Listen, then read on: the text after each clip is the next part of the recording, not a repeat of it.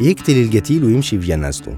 جملة بتتقال على البياحة لكن العجوبة إن القتيل ينقتل في نفس المكان اللي هتطلع منه جنازته والغرابة إن تكون ديته أي حاجة في رغيف. أيوة أي حاجة في رغيف. وساعات ما بيكونش فيه حاجة بس بيكون فيه رغيف.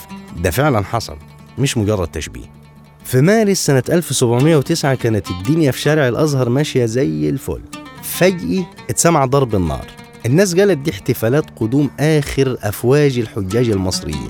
ناس تانية قالت لا دول عساكر المماليك بيقتلوا في الناس عشان خاطر ياخدوا منهم الضرايب بالعافية.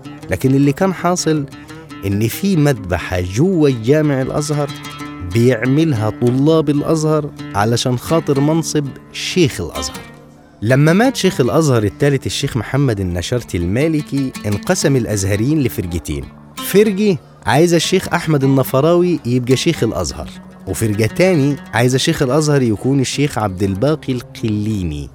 وقتها كان القليني ده برا مصر يعني برا القاهرة. راح مؤيدين الشيخ النفراوي للمدرسة الأقبغاوية وجابوه وعينوه شيخ للأزهر. هوب القليني كان وصل.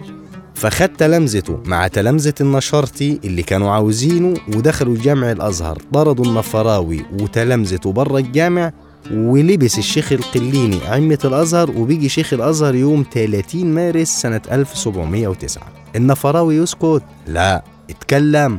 برضه لا. اللي اتكلم مكانه؟ السلاح حشد أنصاره ودخلوا جامع الأزهر بالليل وضربوا الرصاص على أكفال الأزهر وفتحوه وطردوا أنصار القليني وقعدوا النفراوي مطرحه. يعدي يوم وقبل العصر يروح القليني بتلامذته ويخش جامع الأزهر بالسلاح فأقل من نص ساعة يقتل عشرة من اللي تبع النفراوي الجبرتي في كتاب عجائب الآثار في التراجم والأخبار وصف الحادثة دي بإن حصل فيها قتل ونهب لأن الطلبة لما قتلوا زمايلهم نهبوا المكتب اللي كانوا بيجروا فيها وكسروا كمان جناديل الجامع. إبراهيم باشا قبوضان الولي العثماني وقتها قرر إن القليني اللي تلامذته قتلوا عشرة نفراويين يبقى هو شيخ الأزهر والنفراوي تتحدد إقامته واللي من طرفه يتنفوا الرشيد. ومفيش كام شهر والاتنين ماتوا والدم راح هدر من غير دي وبيجي يدي أول حادثة يتقتل فيها الأزهريين بإيد بعض. لكن الحادثة الثانية كان فيها قتل وكان فيها دية وحصلت بعد سبعين سنة من الحادثة الأولانية. اللي حصل إن الأزهريين الشوام والأزهريين الأتراك كانوا بيكرهوا بعض كراهية مذهبية لأن شيخ الفقه الحنفي كان مفتي ومحبوب جدا من الأتراك. أما شيخ الفقه الشافعي فكان شيخ للأزهر من سنة 1690 ومحبوب قوي من الشوام المشكلة المذهبية دي تحولت لأزمة سياسية. كبرت فحصلت خناقة اتصاب فيها العشرات واتقتل فيها طالب من الأتراك.